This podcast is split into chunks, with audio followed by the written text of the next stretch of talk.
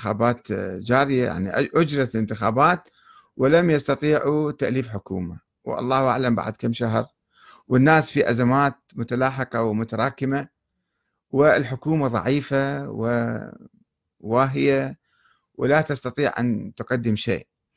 فالنظام كله النظام العراقي اللي طبعا الشيعة يرعوا يعني يسموهم شيعة بعد ما الاسم هذا تاريخي يعني مو حقيقي اسم وهمي حتى. هالحكومة القائمة بحاجة إلى تقويتها وتعزيزها وتطويرها وترشيدها وحتى يجينا رئيس قوي. فلازم إحنا نفكر بكيف آه، آه، ننتخب أو بأي دستور ننتخب نظاما جديدا يضمن لنا أن يكون الرئيس قوي يحاسب ويكون مسؤول ويتابع الوزراء والمسؤولين والموظفين. أما نبقى بهالحالة إحنا دولة ما عندنا الآن. دولتنا تقريبا شبه منهارة. والمشاكل والأزمات تتراكم على رأسنا والبعض جاي يبحث والله هذه الإمامة شنو صحتها؟ والحديث ما ما هو صحته؟ ما صحته؟ ومن هم الاثنى عشر؟ ومن هو الثاني عشر؟ هسه شنو نستفيد؟ سواء أثبتنا الثاني عشر أو لم نثبته. هو غائب ما موجود. يعني ما موجود هذا يعني. شنو صار معناته؟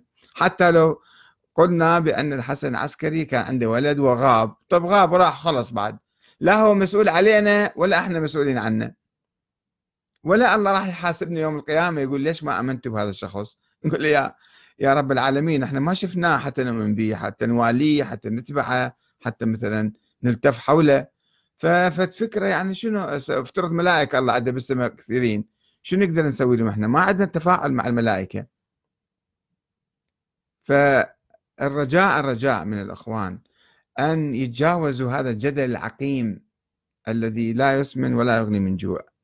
هذا الجدل التاريخي اللي مسمينه شيعة وسنة. وإلا إذا شلنا هذا الجدل هذا والكلام على صفحة حطيناها إحنا نصير ناس عاديين طبيعيين. نروح نسوي لنا حكومة مدنية قوية مثل كل العالم. وإذا فشلنا بهاي الحكومة وفشلنا في هذا النظام فيجب أن نقعد ونفكر لماذا فشلنا؟ لماذا استشرى اللصوص والحرامية في البلد؟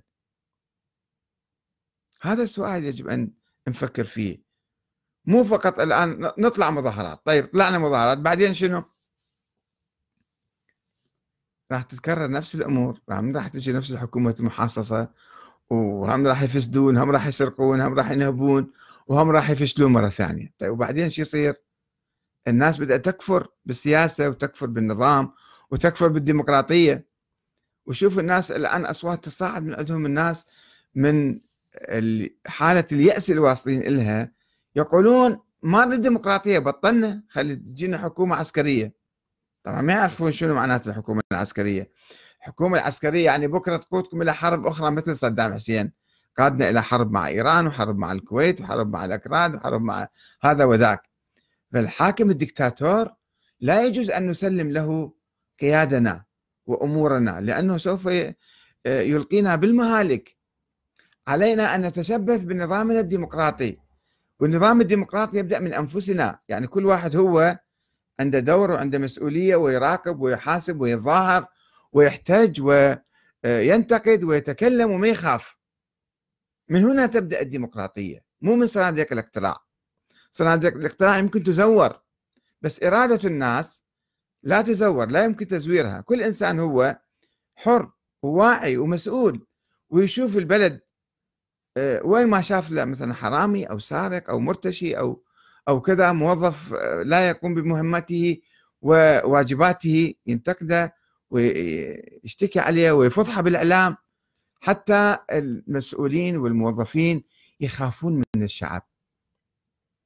وعندما ننتخب البرلمان أيضا دوائر ضيقة صغيرة حتى كل نائب يرتبط بجماهيره مو يطوف بالهواء ما حد ما يعرفه ولا يلتقي بأحد ويروح يبيع نفسه ويروح يبيع ويشتري بالوزارات وبالهذا. لا النائب يكون ممثل الشعب حقيقة ممثل الشعب. وهذا لا يمكن إلا في الدوائر الضيقة. 328 دائرة يجب أن يكون العراق. وكل دائرة تنتخب نائبها حتى نائب يكون مرتبط بالناس ويروح يحاسب الحكومة. وإذا قصر مرة ثانية بعد مين ينتخبوه هكذا نطور هذا النظام. نظامنا فاشل الآن. ونتحدث عن فرد نظام في يوم من الأيام فرد جماعة قبل 1400 سنة مثلا ادعوا هم أو ادعيت لهم الإمامة. الإلهية من الله وهؤلاء معصومون وما أدري شنو. هذا ما موجود مو حقيقة هذا. هذا كله كلام كلام وهمي منسوب للأئمة والأئمة منه براء.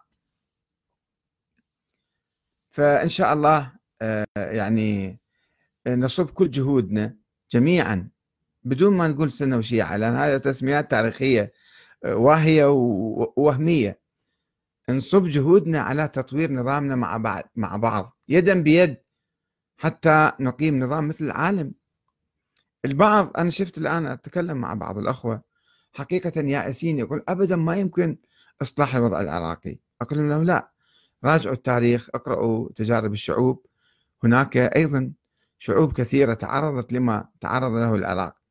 إجوا حكام سراق نهاب وأنظمة كانت فاشلة ثم إجوا ناس وطوروا وبنوا الدولة من جديد. نحن بحاجة إلى بناء العراق من جديد. وذلك بأن كل إنسان يتحمل مسؤوليته. مو يقعد ببيته ويقول أنا ما علي.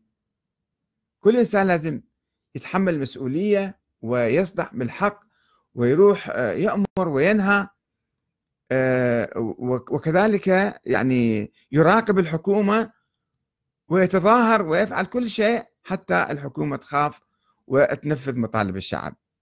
وأيضا نشكل تكتلات بيناتنا لجان ثورية. حتى نعمل مع بعض وما نخلي واحد يعني آه، قوات الشغب آه، تنفرد ببعض الثوار أو المصلحين وتقضي عليهم وتغتالهم أو تقتلهم أو تعتقلهم وتخمد الانتفاضة. يجب أن نكون في حالة انتفاضة مستمرة ولكن بصورة سلمية طبعا. والسلام عليكم ورحمة الله وبركاته.